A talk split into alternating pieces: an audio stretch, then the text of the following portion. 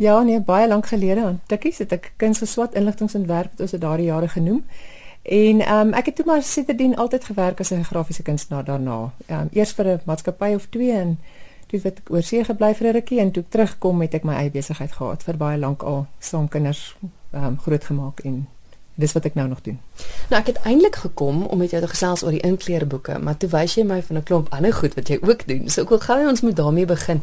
Dit is iets wat jy oorsee gesien het want jy is nogals redelik baie oorsee. Vertel my gou van die pragtige mooi underplates, is dit wat mense dit noem? Ja, mens kan dit seker so iets noem. Dit is 'n papierreeks wat ek probeer doen. Ek het maar 'n groot liefde vir papier en my die uitdaging wat ek vir myself stel is om aan iets te dink wat mens uit papier maak wat nie deur 'n rekenaar vervang kan word nie. En dit is eintlik 'n ding wat gebeur het later in my ehm um, lewe of in my beroep. Ek het eintlik maar altyd net kliënte gehad vir wie ek gewerk het en wat ek nou nog voorwerk, maar ehm um, ek het nou die behoefte gekry om 'n bietjie van die goed te verkoop en ek het 'n papierreeks nou aan die gang. So ek maak uh plekmaatjies, ronde plekmaatjies met verskillende ontwerpe wat ek dink nou in die mode is en wat sal verkoop en dan het ook 'n hele um skryfbehoefte reeksie van notaboekies en kaartjies en uh, klein dagboekies en ja, so dit is eintlik 'n hele reeks en ek versprei dit. Ek probeer om dit landwyd te versprei na winkels en verkoop op by markte en so aan. En toe het jy met 'n inkleerboek vorendag gekom waar jy plaaslike kunstenaars gevra het om vir jou prentjies te teken. Wat was dit juist toe almal so begin inkleer het? Is dit waar die idee vandaan gekom het? Ja, ek het seker so 5 jaar gelede of 4 jaar gelede um in Engeland, uh, seker die eerste so 'n inkleerboek van Janet Bashford gesien, The Secret Garden wat 'n baie bekende boek is en wat nou al wel miljoene van verkoop het. En uh, ek was nogal lus om een te koop en ek het gewonder nou hoekom sal mense so 'n boek teken en um, toe ek terugkom by die huis toe sien ek maar hier begin nou so gier ontstaan en dat dit eintlik al baie groter toe in Europa ook is. En ehm um, seker kort daarna het ek besluit maar ehm um, kom ons maak 'n 'n Suid-Afrikaanse inkleerboek wat regtig reg Suid-Afrikaans is. Daar is natuurlik nou al baie beskikbaar, maar ek dink ek het dit nogal vroeg gevang en um, omdat ek dit dink ek vroeg daar raak gesien het. En uh, ek het toe dadelik weggespring en begin teken en toe besluit ek na ek eers 'n prentjie klaar het, maar ek ken mos baie mense wat kan teken en ek gaan nie dit baie vinnig vol kry hierdie nie. En toe het ek uh, sommer aan al die kunstskole en al die kunstenaars wat ek ken e-mails gestuur en dit was ongelooflik die reaksie wat ek gekry het want almal was toe het dadelik toe nou verstaan wat ek wil hê en um, hulle het prente ingestuur en ons het eintlik op tipe van 'n kompetisie moes hou want ek het 250 gekry en ek kon net 80 in die boek publiseer. En dit was eintlik 'n baie lekker ondervinding geweest vir almal want almal kon toe ehm um, teken wat hulle styl is en dit is wat lekker is van die boek. Dit is baie verskillende style bymekaar en ehm um, dit is reg Suid-Afrikaans. Dit is nie 'n boek met 'n Afrikaanse omslag en 'n Oosterse binnekant nie, soos ja, ek dit nou ja. sou noem. Ja, so ehm um, dit was toe nou die eerste boek en toe was daar nog tweede een daarna gewees ook. So dis letterlik bekende kunstenaars wat ons ken, Dick Grobler, Michelle Negrini. Hulle het prentjies vir die boek geteken en jy kan nou na die boek vat en uh, Michelle Negrini inkleer soos jy wil. Is dit waarop dit neerkom? Ja, dit is dit is presies dit. Ek het juist nogal vir die kunstenaars gevra om nie die name onderaan te teken nie, want miskien word dit lelik ingekleer nie. en dan is jou naam nou daaronder. Maar aan die onderkant van die bladsy staan wel die kunstenaar se naam. So die kunstenaar wat dit nou dan self inkleer of die publiek wat dit inkleer, kan dit inkleer soos hy wil. Hy kan dit interpreteer soos hy wil. Eh die ander interessante ding wat ons gedoen het is ons het 'n uitstalling gehou. Ek het die kunstenaars genooi om hulle eie werk in te kleer.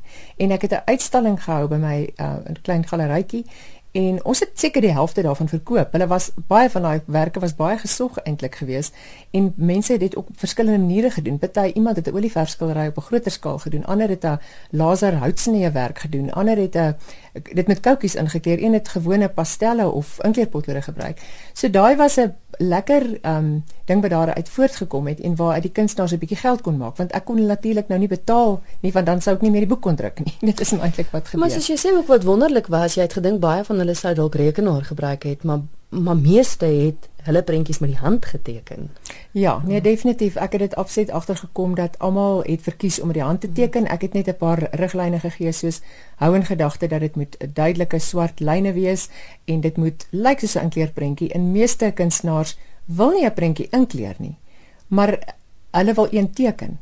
En ehm um, dis eintlik wat my gebeur het. Ek het nog self bitter min van hulle ingekleer want die kunstenaars wil gewoonlik maar hulle eie prentjies teken, maar dit is baie lekker vir mense wat dan dit kan inkleer daarna. Mm. Ja. Nou jy het die inkleerboek 'n stapie verder nog gevat en jy het begin met 'n boek wat gaan oor Pierneef se werk. Ja, kyk hierdie hierdie gier het uh, nogal lank aangehou en ek dink hy's nou nog daar. Ek dink die tannies bety uh uh wat sal ek maar sê in aftreeorde sê vir my nee, hulle het bietjie die hekelwerk en die breiwerk op sy geskryf en hulle kleer nou meer in. En dan is dit natuurlik baie terapeuties, maar om my dinge verdere lewe te gee omdat die giere bietjie getaan het en dis ook iets wat ek eintlik oor see raak gesien het dat dit baie algemeen is om in museumwinkels kunstenaars uh, boeke van kunstenaars te kry, bekende kunstenaars wat in 'n inkleerboek omskep is. En dit is wonderlik. Ek wil jy kry van Gogh boeke, jy kry Picasso boeke, jy kry Gauguin, Andy Warhol, al daai boeke is beskikbaar. En toe dink ek maar ek weet nie daar is so iets in Suid-Afrika is nie en kom ons probeer dit. So ehm um, en Pierre het natuurlik dadelik in my kop opgekom want hmm. almal sal weet hy het net hierdie grafiese kwaliteit en ehm um, dit is wonderlik om sy werk toe nou te kon inkleer of te kon uh, gebruik vir hierdie boek. So ek het toe een van die kunstenaars wat baie vinnig en oulik is, Tarina Odendaal gevra om vir my die Pierre stasiepanele te teken. Ehm um, so ons het 20 in hierdie boek, eerste boek Color Your Own Pierneef ehm um, uitgegee en dan gee ons ook 'n prentjie van hoe die regte Pierneef prentjie lyk. So jy kan hom of so inkleer of jy kan jou eie interpretasie doen. En ehm um, ja, so dit is dit was 'n baie lekker oefening. Ehm um, die boek is beskikbaar en ook nou is ons besig met Irma Stern. Sy uh, is uh, ons een van ons groot ekspresioniste en uh, die boek is nou ook beskikbaar, ja. Maar dit is wonderlik eintlik ook om kinders te leer van kuns want kinders hou van inkleer nou het jy die bekende kunstenaar se prentjie voor jou ja jy kan hom interpreteer soos jy wil maar soos jy sê die oorspronklike een is agter een en so leer kinders meer van ons kunstenaars en van kuns Ja, presies. En ehm um, die terugvoer wat ek nou gekry het oor die Irma Stern boek wat is nogal interessant.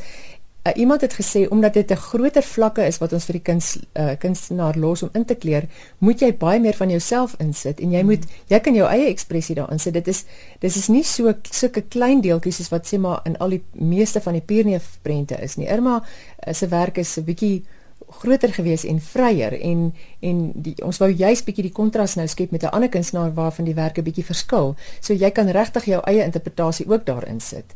En dit maak dit ook weer um, lekker om dit te doen. Kom ons praat gou oor kopiereg want ek dink daar is luisteraars wat gewonder maar hoekom mag jy dit doen? ja, dis 'n interessante vraag. Ehm um, dit werk so dat ehm um, daar altyd 'n morele reg op 'n kunstenaar se werk sal wees. So jy kan nie sy naam deur die modder gaan sleep nie. Maar 50 jaar na sy dood, dis in elk geval in Suid-Afrika so, verval kopiereg op sy werk. So Pineef is nou al langer as dit oorlede, so dit was glad nie 'n probleem nie. En uh Irma Stern is om die waarheid te sê laas jaar eers 50 jaar oorlede. So uh, ek het uh, in elk geval probeer om met mense saam te werk en met die Stern Museum in die Kaap. Hulle is heel opgewonde dat die boek nou by hulle te koop is. Dit is ook te voet te koop by Lamot Museumwinkel in die, in Franshoek. So um die mense werk saam en ek dink hulle verstaan dat ons eintlik net die die uh kunstenaars se nalatenskap wil laat wil laat leef. En um so ons sal eintlik probeer om nog sulke kunstenaars te doen. Ek sal natuurlik baie graag iemand soos Battis of ehm um, Alexis Priller of so iemand wil doen, maar dan sal my spesiale toestemming moet kry en ek hoop ek sou dit dalk van iewers af kon kry om dit te doen want ek dink eintlik wil ons maar net die kunstenaar eer en sy werk bevorder en 'n langer lewe gee. Waar is die boeke beskikbaar as luisteraars sou belangstel? Wel, die boeke is beskikbaar op my webtuiste wat uh, www.fiarikadesign.co.za is. Ehm um, en hulle kan my ook ehm um, 'n e-pos stuur na info@fiarikadesign.co.za. Dis my naam is F E A R I K A.